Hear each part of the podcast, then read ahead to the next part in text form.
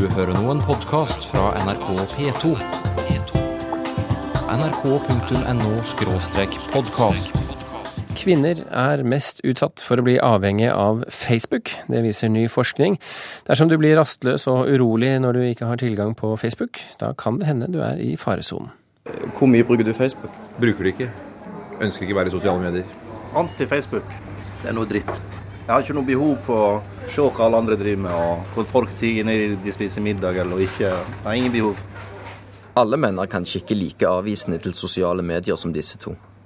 Men ny forskning viser at det er kvinner som er mest utsatt for å bli avhengig av Facebook, forklarer psykologspesialist og doktor i psykologi Cecilie Skau Andreassen. I vår forskning, som er gjort av 423 studenter, vel å merke, så finner vi at de som er da kvinner, og de som er yngre brukere av dette mediet, har en tendens til å skåre høyere på eh, Facebook-avhengighet. Og jeg er der hver dag. Bare sånn en gang om dagen. Jeg eh, ser på bilder til venner, og det er mange som har barn og titter på blir kjent med folk igjen, liksom.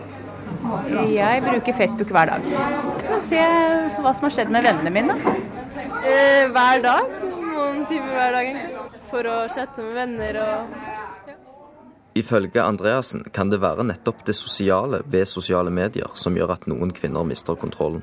Avhengigheter som involverer sosialt aspekt, er det kvinnene som er mer sårbare er i en risikogruppe for å utvikle avhengighet til det mediet. Jeg tror damer er mer nysgjerrige enn menn, rett og slett. At de vil vite mer om andre. Ja, det tror jeg faktisk stemmer.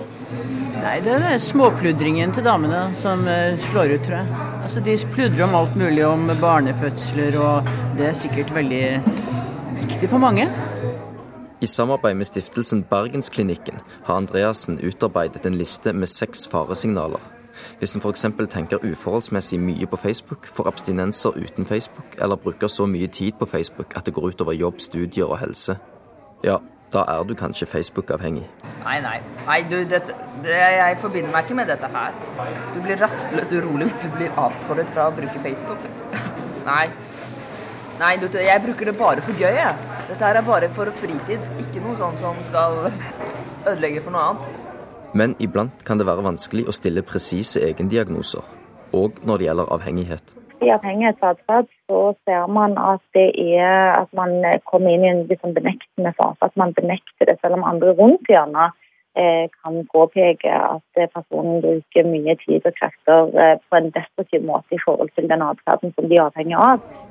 Vet du om noen som du har inntrykk av kanskje er i grenseland for å være avhengige? Ja, det er jeg. Hvordan merker du det? Det handler om en vanvittig tidsbruk, for det kan du se. Og så er det voldsomt mye posting av masse rart, rett og slett. Ja. Menn er kanskje mindre disponert for å bli avhengig av Facebook enn kvinner.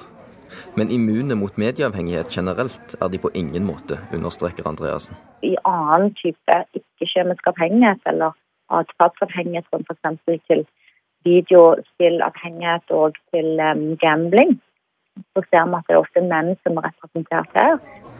Kan dere tenke dere, Tror dere det finnes noen andre typer avhengighet som eh, gutter og menn er overrepresentert innen? Ja, spill f.eks. Online-spill. Mm. Spill. Spillavhengighet. Ja. Mm. Nettspill. Ja.